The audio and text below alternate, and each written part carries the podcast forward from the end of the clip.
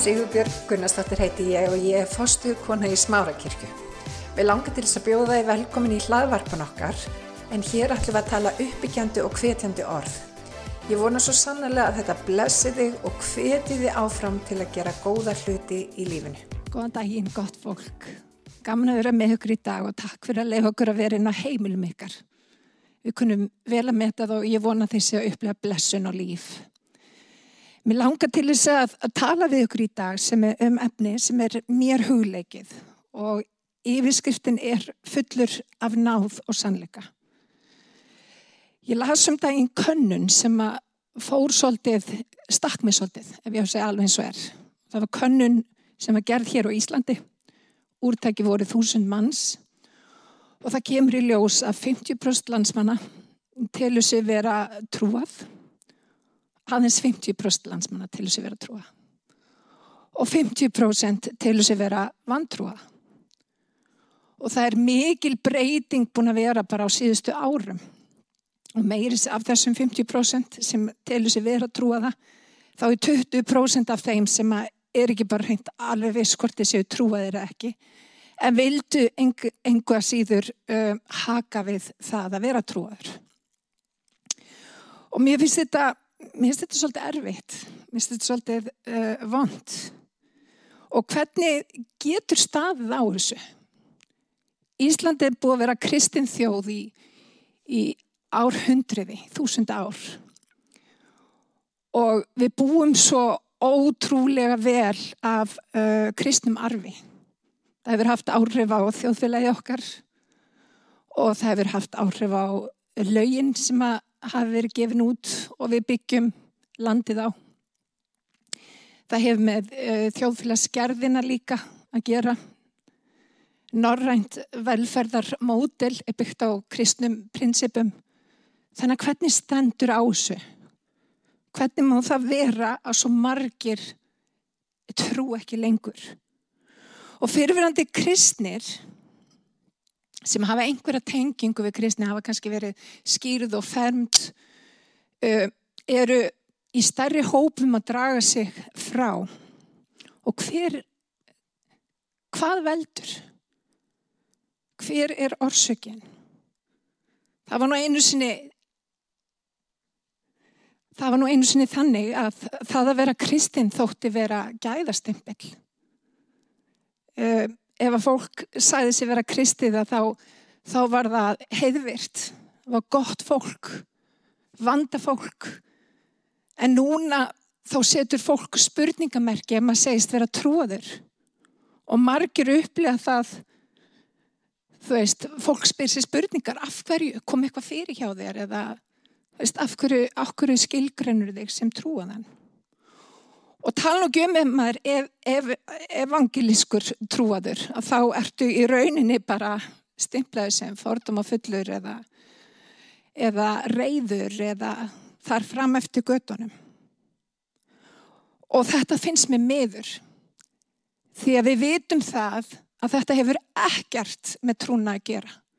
Þetta hefur með fólk að gera. Og Jésu var svo sannarlega ekki reyður eða fordum á fullur. Hann hjælt sér nálagt þeim sem aðrir vildu ekki verið kringum. Hann var ekkert nema kjallegurinn og hann kemur til okkar í kjallega og hann vil líka að fylgjandur sínir starfi í kjallega. En hvernig getur við þegar svona háttar á? Hvernig getur við nálgast fólk? Hvernig getur við og eigum við að vera kristin í þessu andrumi sem við búum við. Við erum nefnilega fylgjandur Jésu og við eigum að elska með náð og sannleika. Og mér langar til þess að fara í Jóhannes í fyrsta kabla í versi 14 og það stendur svo Orði var hold, hann bjóð með oss fullur náðar og sannleika og við eh, sáum dýrfans, dýr sem sonurinn eini eh, á frá föðurnum. Eh, þarna er sagt frá Jésu og hvernig hann var og það stendur að hann var fullur og þetta orð fullur, að vera fullur af einhverju, það þýðir að, að vera algjörlega full, rétt eins og þetta glas. ef að það er fullt að þá er vatnið alveg upp á bríkina, algjörlega upp á bríkina. Það er ekkert annað sem kemst að. Og hann var fullur af hverju? Hann var fullur af náð og sannleika. Hann var fullur af náð og sannleika. Og við eigum sem fylgjendu kris að vera full af náð og sannleika. Og hvernig virka það? Það virka þannig að þegar fólk kemst í návist við okkur, alveg eins og þegar fólk komst í návist við Jésu og þegar fólk kemst í návist við Jésu, þá þarf ekki annað en að koma við glasið og það flæðir yfir. Þannig að frá okkur þarf að streyma náð og sannleikur. Og þarna oft á tíðum missu við margs. Við þurfum nefnilega að flæða yfir náð og sannleika.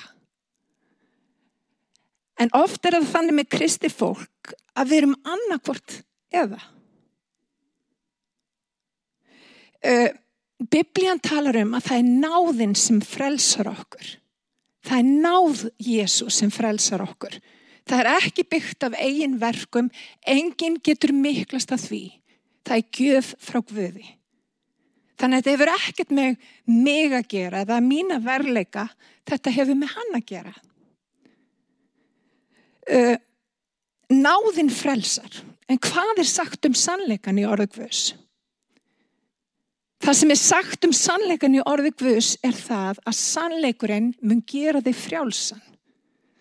Þannig að náðin sem er í raunni kærleiku Guðs, gæska Guðs til okkars, okkar og sannleikurinn þarf að fara hönd í hönd, ekki satt.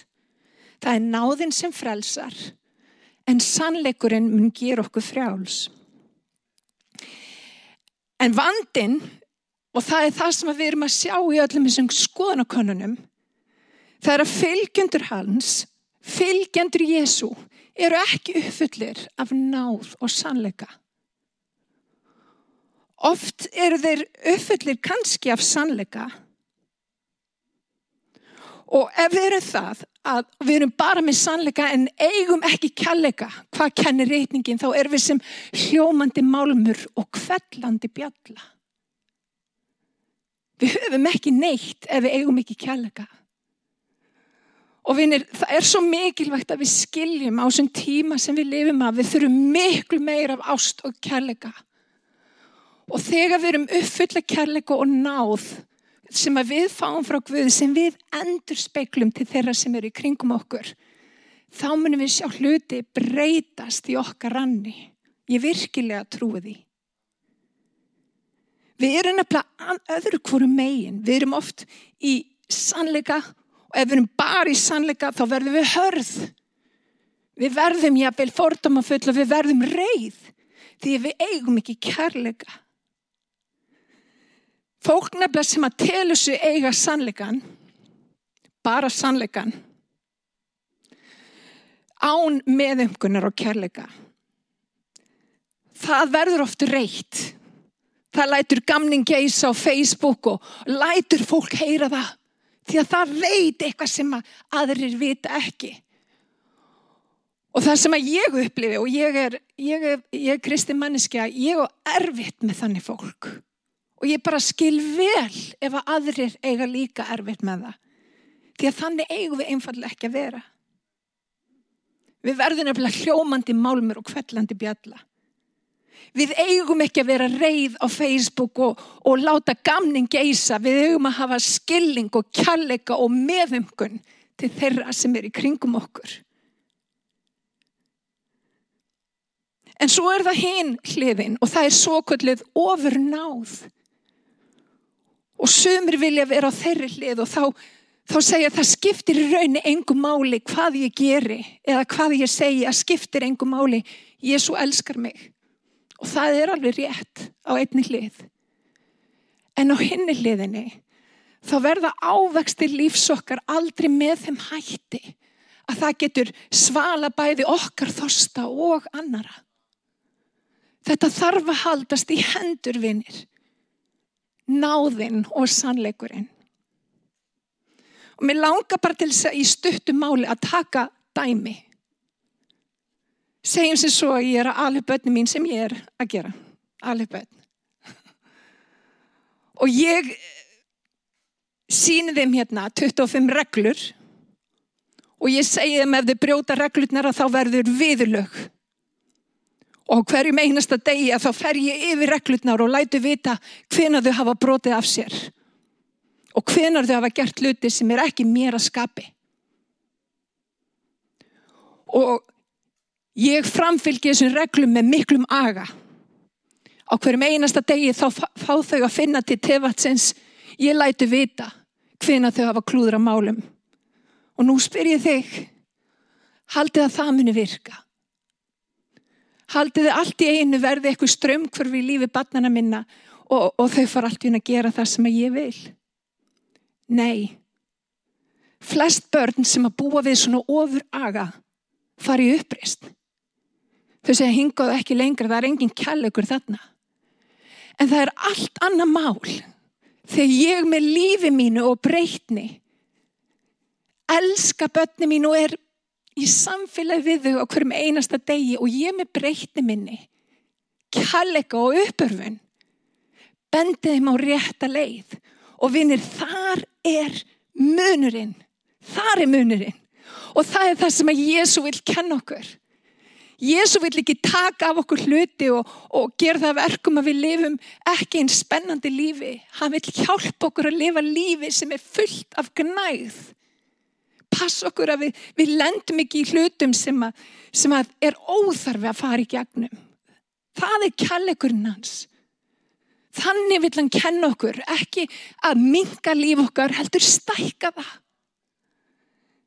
Það er alltaf tilgangurinn hjá honum, það er að stækka það, að gera okkur betur til þess fallin, að, að lifa þessu lífi sem við eigum að lifa í gnægð. Og að við mættum bara skilja það. En við oft nálgums kristindómi þannig, við erum með reglurnar á hreinu. En eru við með reglurnar á hreinu ef við eigum ekki kjallega? Ef við getum, okkur, getum ekki sett okkur í spór þeirra sem ekki þekkja Jésu með þeim hætti sem kannski við gerum þá eru við sem hljómandi málm, málmur og kvellandi bjall og það virkar ekki vinnir það virkar ekki. Og mér finnst svo mikilvægt í staðin fyrir að halda áfram á þessari leið sem við erum búin að vera og margir þekkja okkur af að við tökum og við endur skoðum fyrir hvað við stöndum og vinir kristnir þurfa að vera í einingu þar. Við þurfum að endur skoða fyrir hvað við stöndum. Og við þurfum að vera með það alveg á hreinu að hvað kemur fyrst. Hann var fullur af náð og sannleika. Og ég trúi því að það, eru, að það er ekkit óvart í reyningunum. Það að segja að hann hafi verið fullur af náð og sannleik skiptir máli. Hvað kemur á undan? Náðinn kemur á undan. Kjarleikurinn kemur á undan. Kjarleikurinn kemur að blá undan öllu sem heitir sannleikur. Náð og sannleikur. Hann var fullur af náð og sannleik. Og ég var að rifja það upp þegar ég var að undirbúa mig hvað stendur varðandi, varðandi, varðandi orðið. Bókstafurinn deyðir en það er andin sem lífgar. Og vinni það er svo mikilvægt að þetta fari hönd í hönd. Að við byrjum á því að nálgast hvort annað í kærleika. Við byrjum ekki á því að, að, að, að segja hvað okkur finnst eða, eða, eða búa til reglugerðir sem við getum ekki eins og sjálffarið eftir annað sem að fólk hefur upplifað kannski af hendi krist, kristni fólki.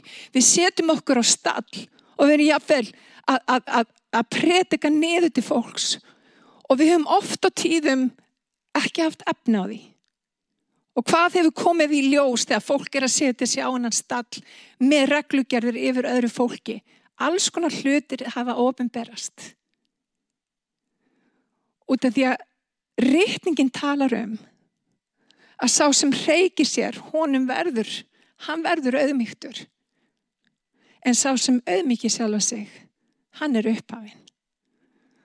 Og mætt við nálgast þetta þannig í auðmygt, í kærleika og leifum Guði að upphefja þegar það á við.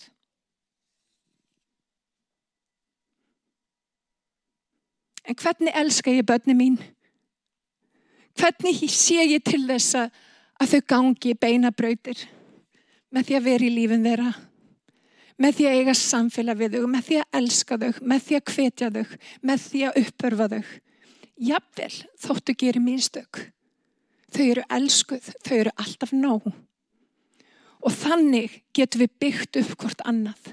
Þannig getur við, þannig getur við sé Guðs verk ofinberast í lífum fólks. Það er með kjallega.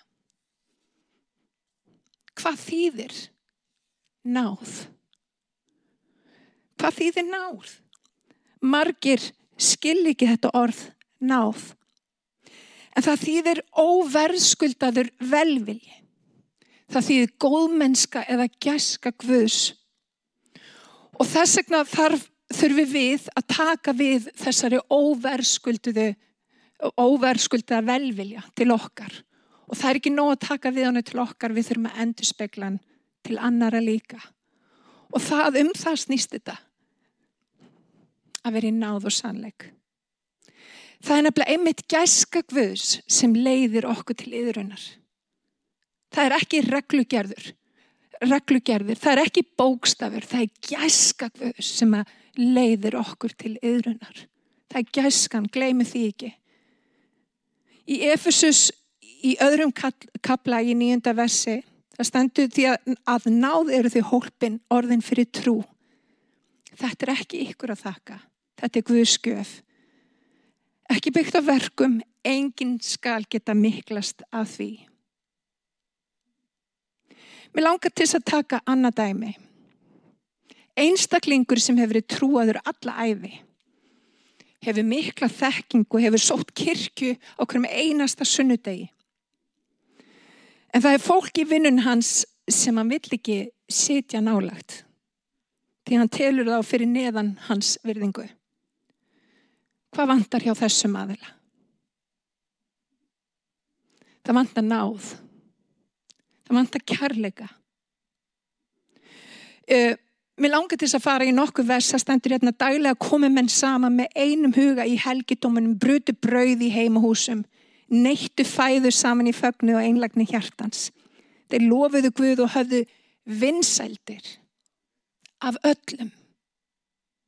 En drottin bætti daglega við hópin, þeim er frelsast letu. Hvað kemur þarna fram? Þetta er fólk í frumkirkjunni, það hafði áhrif út í þjóðfélagið. Það var ekki að predika með orðum, það predikaði með verkum. Það elskaði og það hafði vinsaldir af öllu fólki.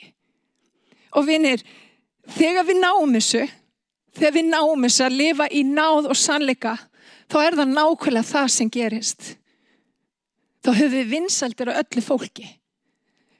Fólk leitar til okkar út af því að við erum ekki reyð. Við erum ekki fordómafull. Við erum ekki þau sem eru fljóta dæma. Við erum ákvörðat þau sem eru fljóta fyrirgefa, fljóta elska. Því að kærleikurinn hilur fjölda synda, ekki satt. Og hver er ég að dæma mannesku við hliðin á mér sem að setur kannski við hliðin á mér að sangum eða er nálagt mér í vinnunni? Ég hef ekkert til þess að hrósa mér af út af því ég er svo langt í frá að vera fullkominn. Ég þarf að átta mig á því að ég tek við nákvöðs í auðmíkt. Hún er óverð skulduð. Hann fyrirgaf mér hluti og ég þarf því að vera tilbúin að fyrirgefa öðrum það sem að, það sem að þau gera á, minn hlut. Þeir lofiðu Guð og hafðu vinsaldir af öllum. En drottin bætti daglega við í hópin þeim með frelsast létu. Þeir voru vinsælir. Þeir voru kjallegsríkir og vinsælir. Þeir voru búin að ná þessu. Þeir hafðu um, vogaskálar í lífin sínum. Þeir hafðu náð en líka sannleika. Það er nefnilega allt annað að tala sannleikan í kjallega. Þegar við prétugum með líf okkar, því að líf okkar er opið bók, þekkt og lesin af öllum mönnum. Og hvað les fólk þegar það les líf okkar? Sér það Jésu? Eða sér það reyða personu á Facebook eða, eða manneska sem hefur allt á hotnum sér? Ef að veru þar, þá spyr ég mig, ertu fylgjandi Jésu? Og þetta Jésu er ekki þar. Og ef við skoðum í rauninni bara fræðin, ástæðan fyrir því að orði Jésu hafa lifað, er út af því að þau virka. Allar sjálfsjópabækur á Vesturlöndum er byggðar upp á prinsipum beint úr orði Guðs. Með þessar leiðtóa þjálfun, eh, þjónandi fórusta, hvaðan heldur fólk að það komi beint úr reyningunni? Af hverju því að þetta virkar. En Jésús er meira en bara fræðin. Hann er lifandi kraftur, hann þráir að vera í lífi þínu. Hann þráir að gefa þér kraft og styrk til þess að þú getur gengið narreistur en samt í auðmygt og tekist á við allar kringustæði lífsins. Og þegar þetta lífi búið, þá tekur hann á mótið þér inn í eilíðina. Jésús er nefnilega ekki bara fræðin þó að fræðin séu mögnuð og þau hafa svo sannarlega uh, nýst okkur í öllu því sem við erum að gera. Jésús er kraftur og líf og hann þráir að leysa okkur og hann er fullur af náð og sannleika og hann þráir að gefa þér náð og sannleika. Þannig í staðin fyrir vinnir að vera með allt á hreinu.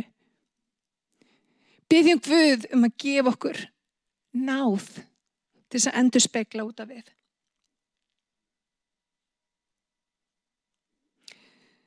Jésu nefnilega sagði allir þér sem erfiði hafið, hafið og þungar byrðar komið til mín og ég með veitiðu kvíld. Og vitið það, ég var einmitt að tala um það um daginn við einstakling sem er að ég held ekki trúar. Það er engin einstaklingur sem fer í gegnum lífið á þess að verða fyrir einhverjum áföllum. Í staðin fyrir að burðast með hlutina sjálf, leifum Jésu að koma stað.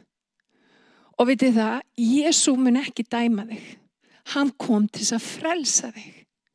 Hann kom til þess að frelsa þig. Hann kom ekki til að dæma heiminn.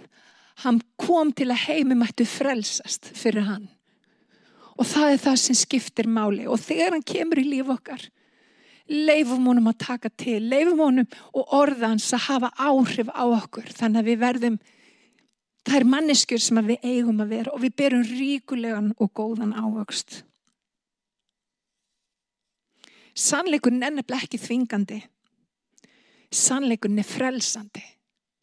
Þegar við göngum í í, í náð og í sannleika þá er sannleikurinn frelsandi. Hann blessar okkur, hann eflir okkur og hjálpar okkur að ganga gönguna og býr til grunn sem við getum lagt líf okkar á. En sannleikurinn er ekki bara eitthvað. Sannleikurinn er Jésu. Jésu er vegurinn, sannleikurinn og lífið. Og Biblian kennir enginn kemur til föðurins nema fyrir hann. Þannig að mér langar til dag að ljúka á lítilli bæn og hvetja ykkur til þess að byggja með mér og bænin er í raunni bæn frelsisens. Við erum að taka við Jésu Kristi inn í líf okkar og bænin er svona. Kæri Jésús, ég byrði um að komin í hjarta mitt í dag. Ég byrði um að fyrirgeða mér sérg hverja synd. Ég byrðum að fylla mig af anda þínum. Ég byrðum að ganga með mér hvern einasta dag. Viltu fylla mig af náð og sannleik og geð mér auðmygt frammi fyrir þér. Drottin ég þakka þér að ég er þitt barn. Í Jésu heila nafni. Amen og amen. Drottin blessi þig og varfið þig. Hvetið til þess að stilla inn á okkur með reglum hætti því að hér verður alltaf eitthvað nýtt á nálinni. Takk fyrir að hlusta.